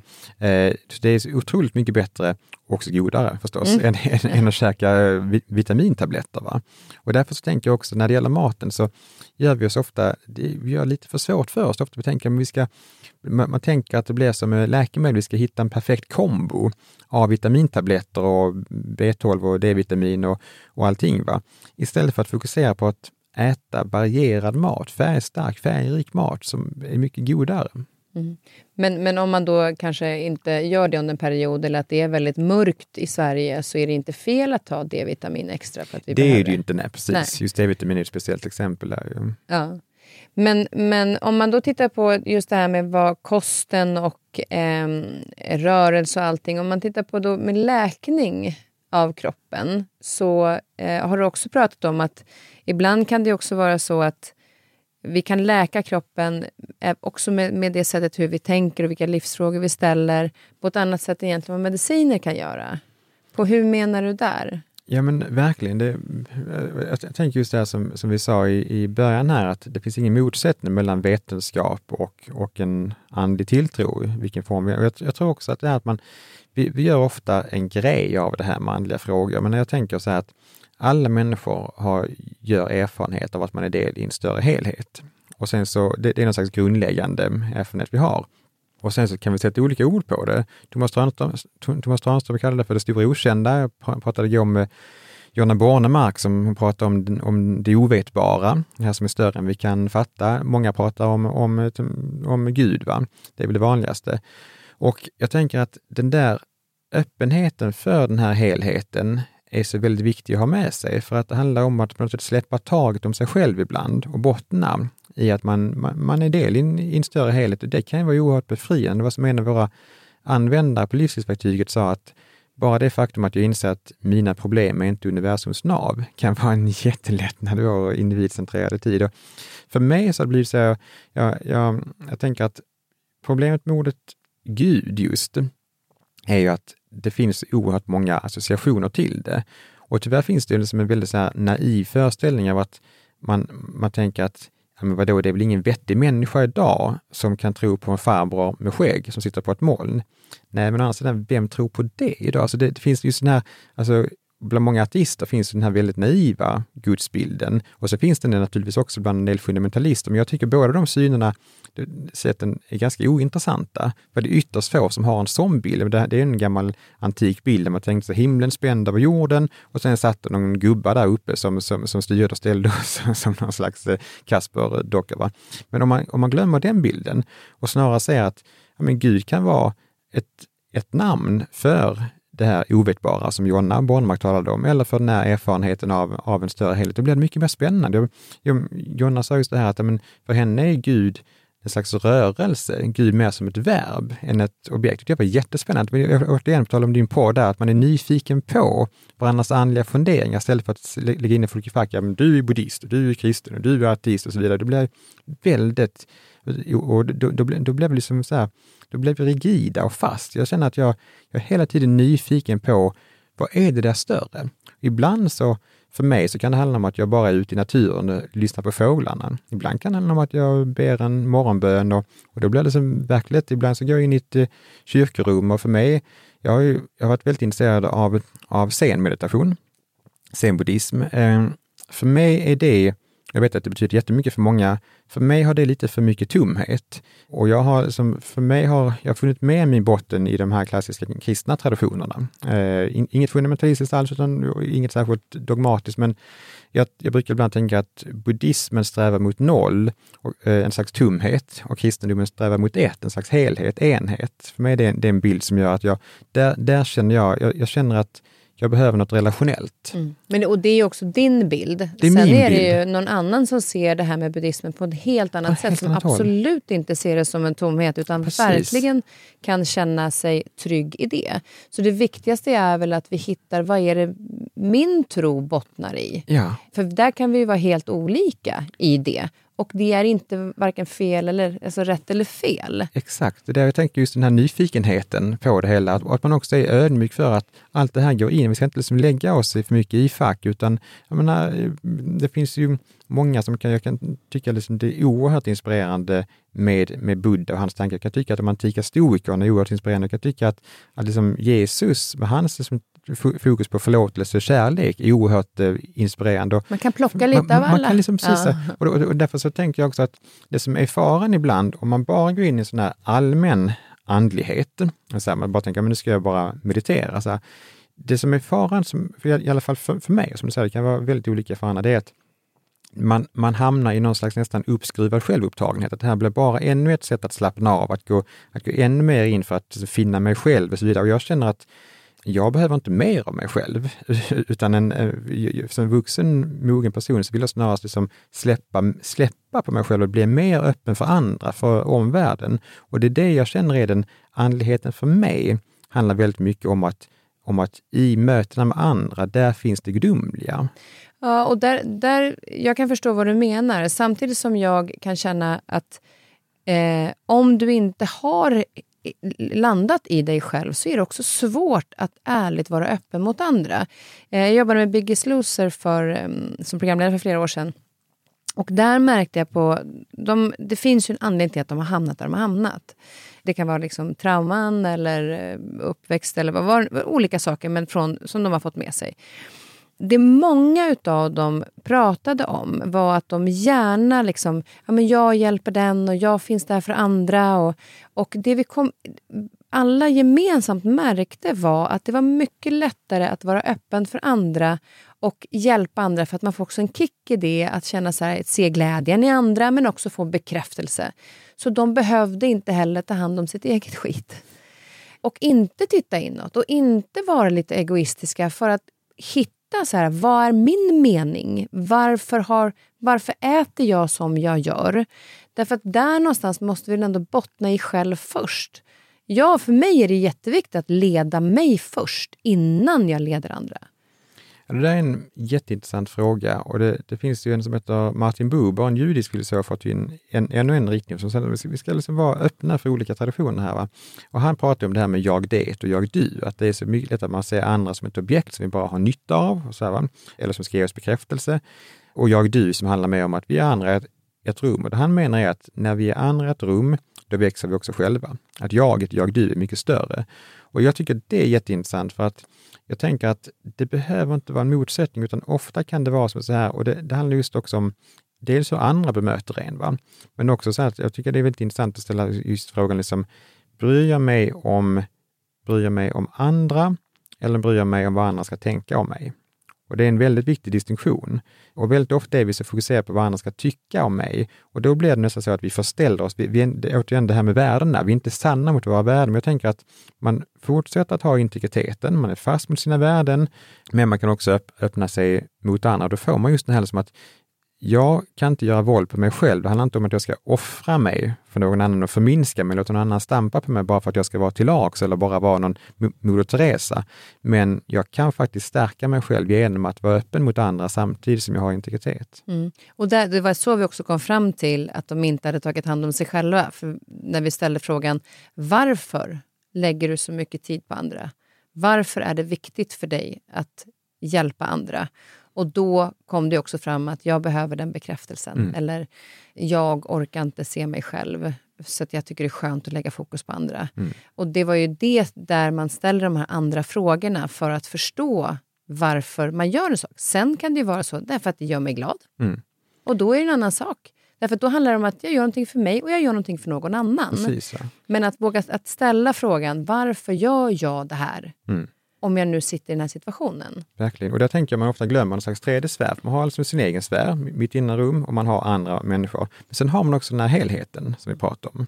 Och jag tänker att ibland så kan det också därför vara så värdefullt att bara vara i naturen själv och bara sitta på en sten, titta på en solnedgång, eh, lyssna på fåglarna och bara vara den där human being. Så men jag är värdefull som jag är. Jag, jag, är del i den här stora helheten som vi kan kalla vad vi vill, Gud, det stora okända, etc. etc.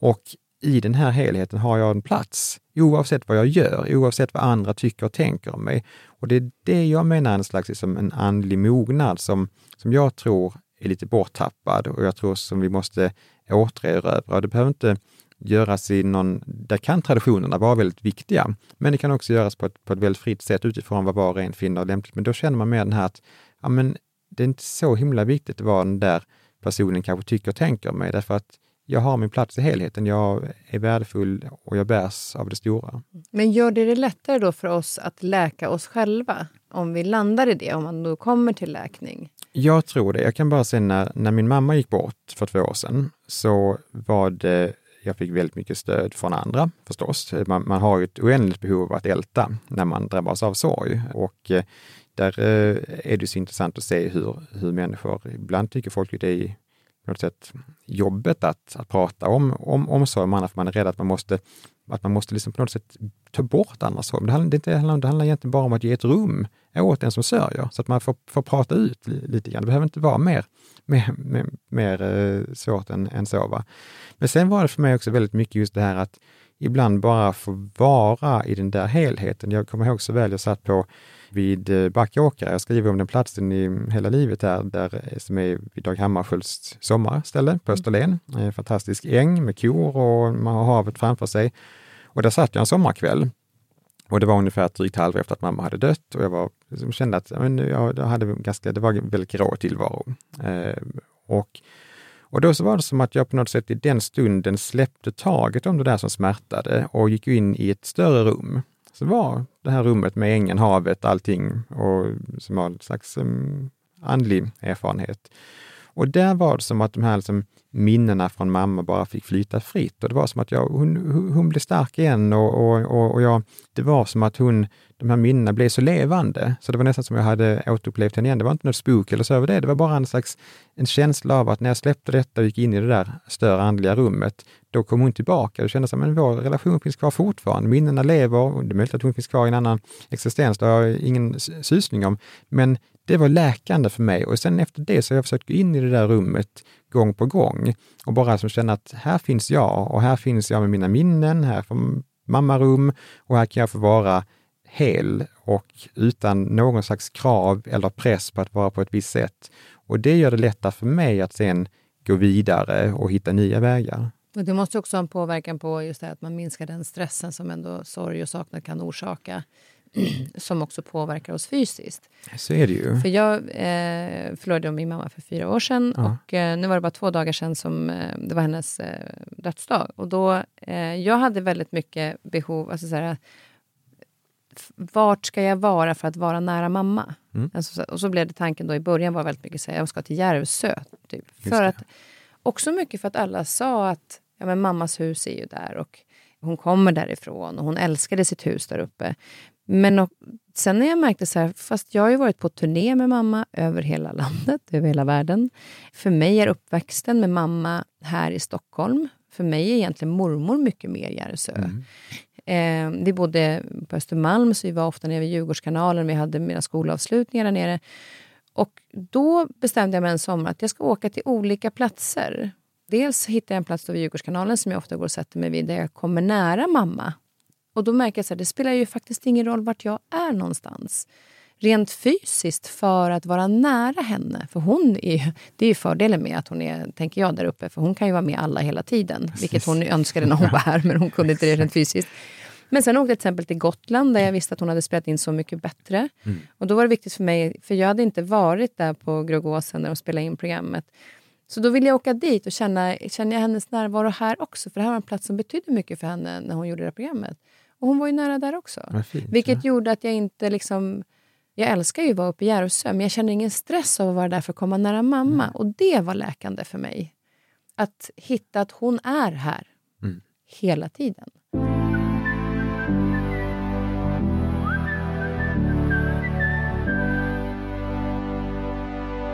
Har, för nu var det fyra år sedan. Hur, Ja. hur har den hur har processen varit för dig? Har du, har du eh, menar, sorgen, sorgen kan ju vara kvar väldigt, väldigt länge.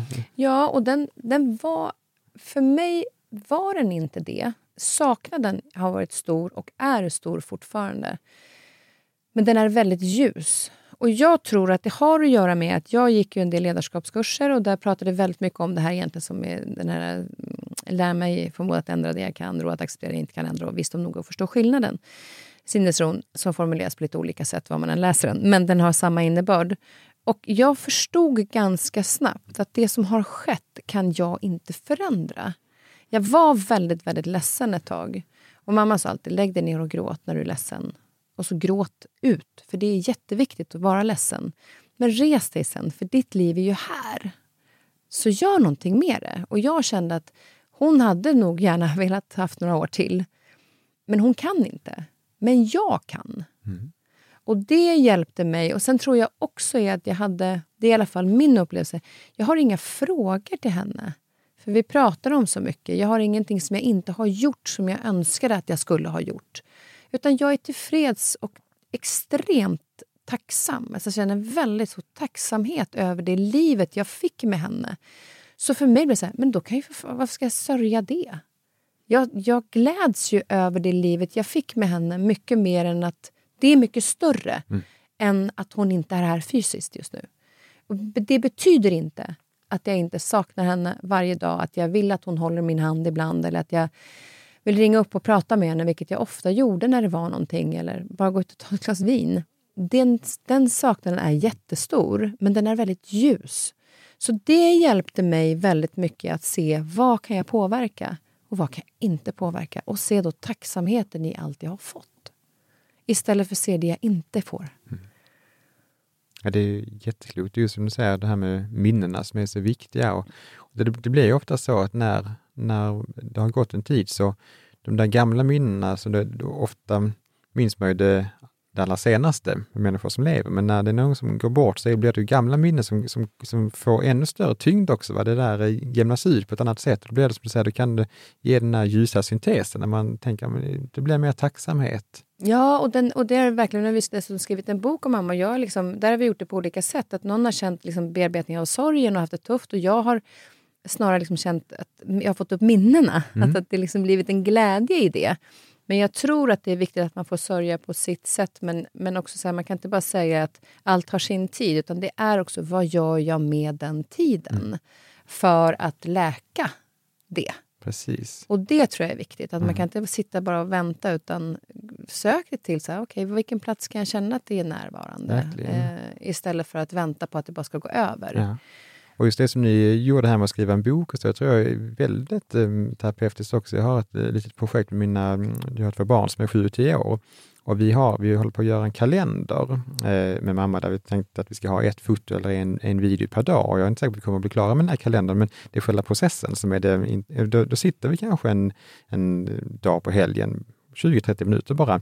Och så botaniserar vi bland alla foton vi kan hitta, filmer och allting. Och så, den där vill vi ha med. Och, den där, och, så, och, så. och då blir hon ju levande igen. I synnerhet tänker jag när man ser en person på video, har märkt. För ja. Foto kan vara ganska statiska, så här, men när man ser deras kroppsspråk, man hör deras röst och så vidare, då så blir de levande på nytt för en. Och det där känner jag också väldigt viktigt för mina barn. Mm. Att då få behålla hennes minne le levande. Och det är någonting jag skulle rekommendera alla att göra, att spela in, för jag har faktiskt börjat spela in min pappa i smyg. Eh, mm. För där har vi ju lyxen av att jag kan ju lyssna till mamma när jag vill. När hennes ja. röst börjar försvinna så kan jag gå ut var som helst och få hennes röst igen Precis. eller se henne på... För det finns ju så mycket arkiv på henne. Ja. Men att filma sina föräldrar i smyg och spela in dem så att du har rösten kvar. För till slut så tog telefonsvararen, ja den stängdes ju av till ja. slut och då hörde jag inte henne längre. Nej. Men jag hade andra ställen att, att gå till och det tror jag är viktigt. Sen tror jag att det är viktigt att, att ehm, för eh, Anders Magnusson var ju här och pratade om sorgbearbetning och jag gick ju den kursen sen.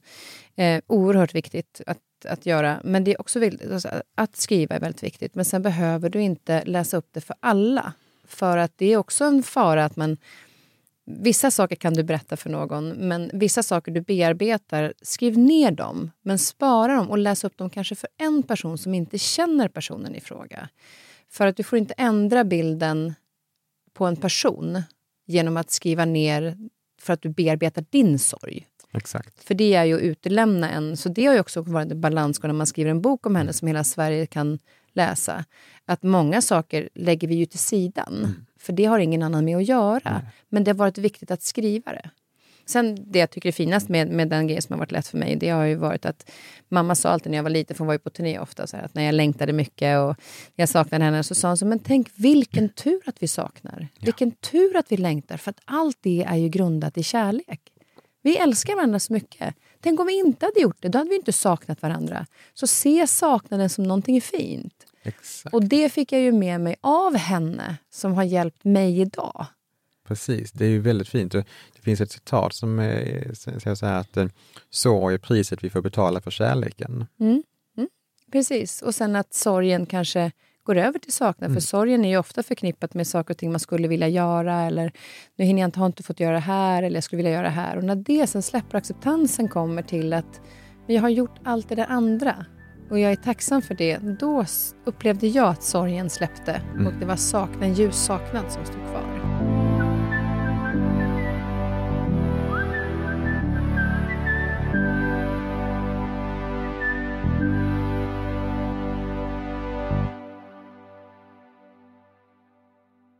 Men om du skulle summera eh, lite grann det här som är, så här, vad är hälsa?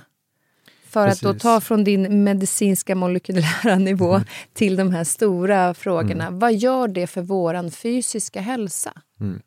Det finns ju en väldigt vanlig bild av hälsa som att det handlar om enbart det mätbara. Det handlar om steg, antal kalorier, att det handlar om blodprov vi mäter. Det är en del av hälsa. Men det jag skriver mycket om i hela livet, det handlar just om, och det är därför titeln är, är som den är, det handlar mer om att jag ser hälsa som att bära livet, att hantera livets upp och nedgångar. Mm. Att någonting väldigt vardagsnära som egentligen är mycket, mycket bredare än bara mat och träning. Mm. Utan handlar just om hur hanterar vi sorgen? Hur kommer vi ut? Hur, hur bevarar vi de ljusa minnena? Hur hanterar vi ensamhet? Hur hanterar vi, vi stressen? Hur börjar vi reflektera, som du har varit inne på här. Va?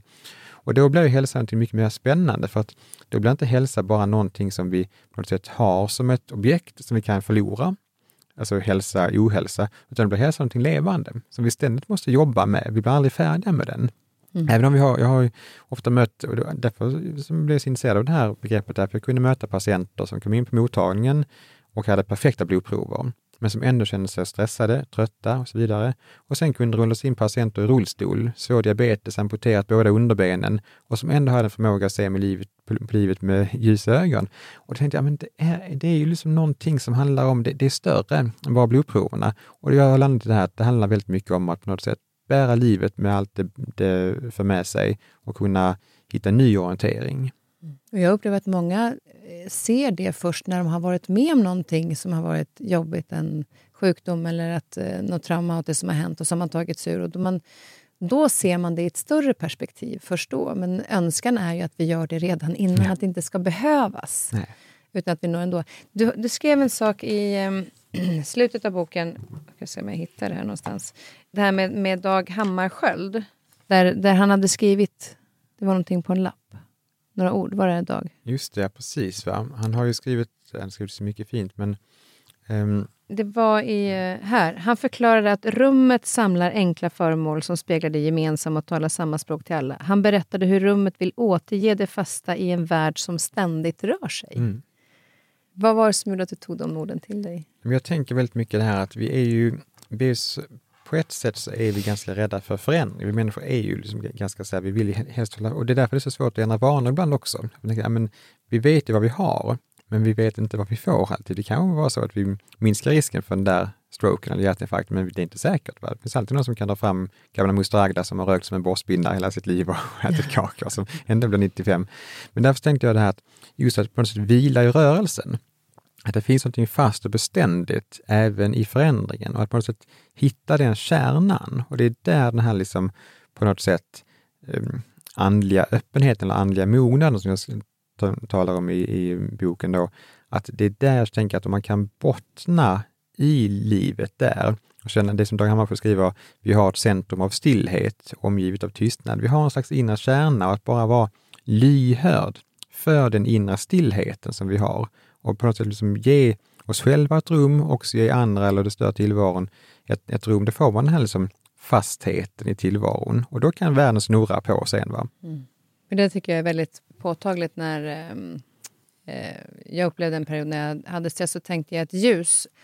När jag gick en yogautbildning så var det den läraren som sa det att tänk att du har ett ljus inom dig. Eh, och den här lågan som är din energi, och den är varm och den är lugn och vacker att titta på. Och den, den fyller hela dig med energi. Men när det snurrar mycket runt omkring dig så är det rätt att den börjar blåsa och du andas snabbare och till slut så blåser du ut den. Och på samma sätt kan det också vara att du biter ihop. Alltså, jag ska inte jag ska inte separera för mina barns skull. Jag biter ihop. Eh, och då kväver man till slut den här eh, lågan. Att hela tiden se till att jag andas i den takten så att lågan inte fladdrar. En väldigt bra bild. Och den tycker jag hjälper mig väldigt mycket. Framförallt tycker jag i det här när jag försöker hålla ett lugn och struktur i mitt jobb och så har jag de jag jobbar med utifrån som ah, vi måste ha svar på ett mejl inom en timme. Vi måste ha det där. Jag bara, okej, nu ska jag hålla min låga levande. Sen om du fladdrar på där borta, du får svar snart. Precis. Jag ska bara titta. Att, att hitta en, en bild av det, för då kan det snurra på där ute och det är okej. Exakt. Men min låga får inte slockna. Nej, det var en väldigt fin bild. Vad är du nyfiken på? Nu har vi pratat väldigt mycket om vad du är nyfiken på, eh, för sig. men, men eh, det har ju mycket med människor att göra. Jag är väldigt nyfiken på, precis, jag är nyfiken på människors andliga funderingar. Det här låter som att jag ska sitta och... Det, det, låter, det är inte alls så djupt som det låter. Ja, för andlighet kan många bli lite så här, wow. Ja, precis. Så ja. Det, handlar väldigt, alltså, återigen, det här handlar väldigt mycket om det här vardagsnära. Liksom. Men när du är ute i naturen, vad är det du, vad skapar helhet för dig? Är det fåglarna? Och, och jag, jag, när jag är på middagar så brukar jag ofta försöka starta med något så här ganska ganska öppnande. För jag tycker att då blir det, sen kan vi prata om eh, solsemestrar och barn och, och, och eh, träning och, och allting. Men då har man liksom nått en, någon slags resonans mellan varandra som gör att det där samtalet som följer sen, det får en botten som gör att det, bara, det blir bara inte massa ytligt pladder.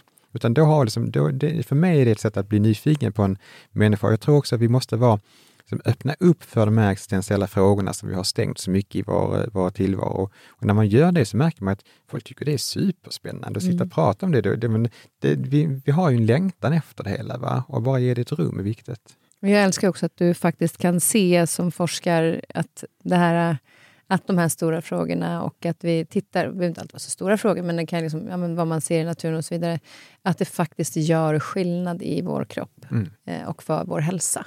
Precis. Och det tycker jag är så sjukt spännande. Så ni som kan, gå in och testa livs, livsstilsverktyget. Och var inte stressad som jag när ni fyller i frågorna. Det tar inte så lång tid. Det tar längre tid om du är stressad. För då fick jag gå tillbaka igen och andas ut. Och sen också boken Hela livet. Den är inte speciellt, alltså den är inte tjock, men det är otroligt mycket i det. Och du väver in olika berättelser också. Det finns till exempel den här äldre mannen som kommer in och eh, har förlorat sin fru. Um, och det är så tråkigt att äta. Alltså så att han, liksom, han har inget sällskap i bordet och allting. Och hur man kan, då kan fylla i olika rutor med kosten. Alltså det finns liksom verktyg att använda sig av men också fina berättelser i det som väver samman väldigt fint. Så jag tycker verkligen att vill ni förbättra och liksom hitta vad hälsa är så är det en, en nu har jag ju läst några hälsoböcker, um, så äntligen så fick livet ett samband med, alltså lite grann som du sa, valnötterna kan stå där man vet att det gör bra, men om du inte förstår varför du ska äta dem och faktiskt äter dem och ställer dig frågan så kommer de inte göra nytta överhuvudtaget. Vilken låt har du valt nu när vi ska avsluta med det här? Jag har valt låten She, den är klassiska. Den är så fantastisk. Från Notting Hill, den var ju, var ju känd långt tidigare av Charles. Gillar den filmen va? Gillar den filmen väldigt mycket. Mm. Så den ska vi absolut lyssna på. Jag är jätteglad för att du valde den här låten.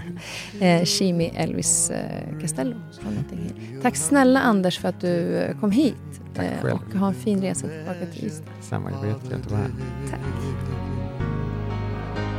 She may be the beauty or the beast, maybe the famine or the feast, may turn each day into a heaven or a hell. She may be the mirror of my dreams, a smile reflected in a stream. She may not be what she may seem inside her shell. I nästa vecka gästas jag av Sveriges Televisions tidigare VD Eva Hamilton som idag jobbar i flera styrelser. Vi samtalar om hur det var att växa upp i Etiopien som liten, vad hon älskade med sitt jobb som journalist och hur fick hon ihop livet som mamma till fyra söner samtidigt som hon var en kvinna i karriären. Vi pratar även om hur det blev att hon och familjen tog hand om två flyktingpojkar från Syrien och vad det har betytt för henne att följa deras utveckling. Missa inte nästa veckas avsnitt.